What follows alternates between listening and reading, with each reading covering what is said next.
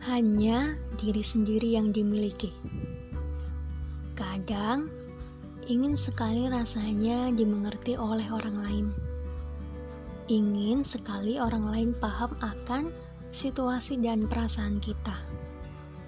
Bukan hanya untuk dimengerti, setidaknya ingin sekali orang lain merespon seperti apa yang kita harapkan. Padahal ya, kita tahu kalau emang kita nggak bisa mengendalikan orang lain. Rasanya, ketika kita lagi bersemangat menyampaikan mimpi kita, langsung ditampar oleh ketidakmungkinan.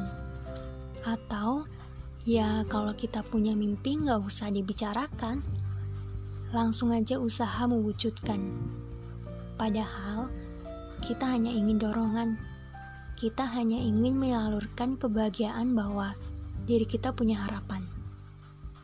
Sebenarnya, tanpa ditutup-tutupi, kita tahu kelebihan dan kekurangan kita.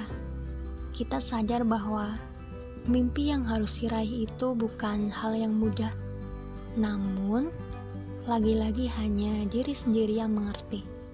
Lagian, orang lain juga nggak ada hak sebenarnya untuk melayani diri kita.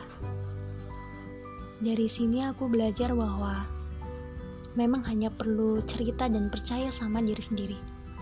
Sepaham-pahamnya orang lain dengan diri kita, tetap cuma kita sendiri yang sebenar-benarnya tahu yang diinginkan dan dibutuhkan.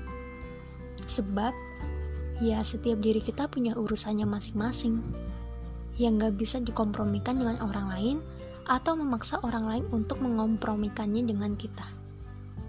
Menurutku, gak apa-apa punya mimpi, Gak apa-apa berharap, karena dengan semangat-semangat itu adalah bukti bahwa diri kita mempercayai diri kita untuk mewujudkannya.